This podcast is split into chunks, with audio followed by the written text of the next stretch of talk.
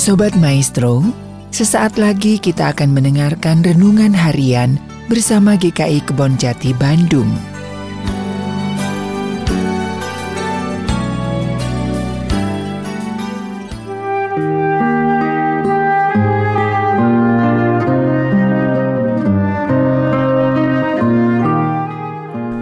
Salam sejahtera saudara-saudara, kembali lagi bersama saya Alfian Dito Yulian Diki di dalam renungan harian pada hari ini yang diambil dari 2 Korintus 9 ayat 1 sampai 15 namun kita akan membaca bagian ayat 6 sampai 11. Camkanlah ini, orang yang menabur sedikit akan menuai sedikit juga dan orang yang menabur banyak akan menuai banyak juga. Hendaklah masing-masing memberikan menurut kerelaan hatinya Jangan dengan sedih hati atau karena paksaan, sebab Allah mengasihi orang yang memberi dengan sukacita. Dan Allah sanggup melimpahkan segala kasih karunia kepadamu supaya kamu senantiasa berkecukupan di dalam segala sesuatu dan malah berkelebihan di dalam pelbagai kebajikan. Seperti ada tertulis, ia membagi-bagikan, ia memberikan kepada orang miskin, kebenarannya tetap untuk selama-lamanya. Ia menyediakan benih bagi penabur dan roti untuk dimakan. Ia juga akan menyediakan benih bagi kamu dan melipat gandakannya dan menumbuhkan buah-buah kebenaranmu. Kamu akan diperkaya dalam segala macam kemurahan hati yang membangkitkan syukur kepada Allah oleh karena kami. Saudara-saudara, tema kita pada hari ini adalah 100 dikurang 1 sama dengan 102. Loh, kok bisa? Judul ini muncul ketika saya dalam proses merenungkan ayat ini. Ayat bacaan ini uh, sering kali dipakai sebagai ayat persembahan sekaligus landasan kita untuk memberikan persembahan biasanya. Konteks dari ayat ini sejatinya bermula dari keinginan jemaat Korintus yang ingin melakukan kolekte dan membantu jemaat yang ada di dalam Israel. Namun masalahnya jemaat Korintus pada saat itu sedang mengalami pertikaian dan ada orang-orang yang menyebar, menyebarkan Injil palsu dan Yesus yang lain. Bahkan ada yang menuduh juga Paulus merupakan rasul yang palsu dan diragukan keajarannya, ajaran-ajarannya karena dianggap tidak pernah bertemu Yesus secara langsung. Perikop ini merupakan perikop yang bertujuan untuk mengingatkan sekaligus mengajak jemaat Korintus untuk turut berperan serta. Adanya konflik yang terjadi tersebut uh, membuat kesehatian jemaat Korintus pada saat itu goyah dan sehingga ia tidak mampu tidak siap untuk mempersiapkan memberikan persembahan bantuan dengan baik dan kolektif. Maka dari itu Paulus mengajak jemaat Korintus pada saat itu untuk kembali menyatukan hatinya dan kembali untuk mau membantu jemaat yang ada di Yerusalem. Di sisi lain, perikop ini sekaligus menjadi ajakan bagi setiap jemaat Korintus untuk mau mengambil bagian di dalam upaya kolektif tersebut. Namun bukan berarti setiap orang harus memberikan dengan nominal tertentu, apalagi hingga terpaksa atau justru malah berlomba-lomba tinggi-tinggian memberikan persembahan siapa yang paling banyak melainkan Paulus mengingatkan setiap orang untuk mampu memberikan sesuai dengan kerelaan hatinya.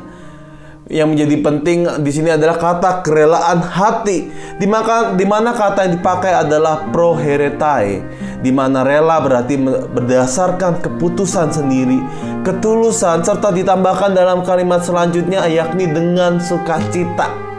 Makna kerelaan hati ini sepertinya sepele ya, Ya setiap orang kalau memberikan sesuatu katanya sih ya rela. Namun sering kali juga menjadi sering disalahartikan atau disepelekan artinya Kerelaan ini bukan berarti hanya soal tentang keberatan apabila kita memberi bantuan dengan nominal tertentu atau keterpaksaan. Namun di sisi lain kerelaan hati ini juga berbicara, juga merujuk pada sikap atau ketulusan hati ketika kita mau membantu atau memberikan persembahan kepada orang lain. Apakah kita ketika memberi pada saat itu juga kita sedang mengharapkan sesuatu baik yang kita baik dari orang yang kita bantu ataupun berharap sesuatu dari Tuhan.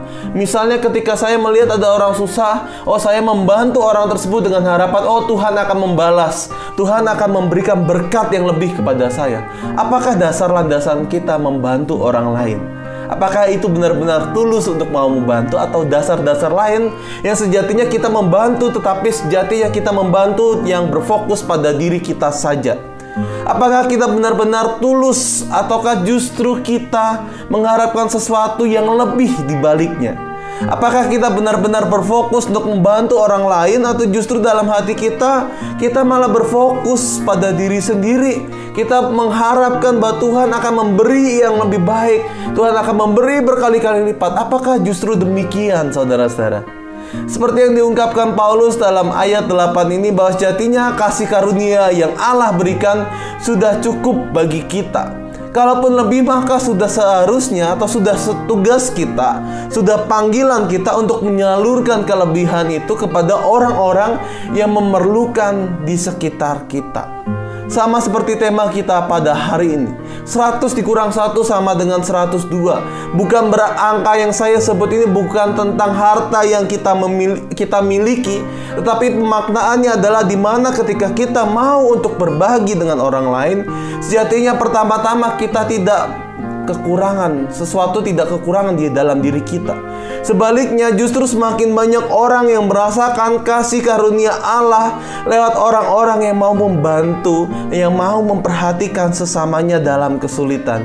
Hingga akhirnya ada benih-benih kasih karunia dan sukacita itu tumbuh terus berkembang di dalam hati orang yang dibantu hingga akhirnya ia pun sendiri merasa bersyukur bahwa ia merasakan kasih karunia ketika ia sedang susah dan akhirnya ia mau membantu orang lain yang lainnya lagi. Maka dari itu 100 dikurang 1 sama dengan 102 bukan bicara tentang harta atau materi yang kita miliki Tapi bagaimana kita melihat dampak bagi orang lain Yang terus bertumbuh lalu menjadi benih bagi orang lain Dan terus tumbuh menyatakan kasih karunia kepada orang-orang sekitar kita. Pertanyaannya adalah siapkah kita untuk mau bagi mengucap syukur, mau terus membantu dalam ketulusan hati, dalam keikhlasan hati tanpa ada harapan yang berfokus pada diri kita sendiri. Kiranya Tuhan Yesus memberkati kita semua. Amin. Sobat Maestro, baru saja Anda mendengarkan renungan harian bersama GKI Kebon Jati Bandung. Tuhan Yesus memberkati.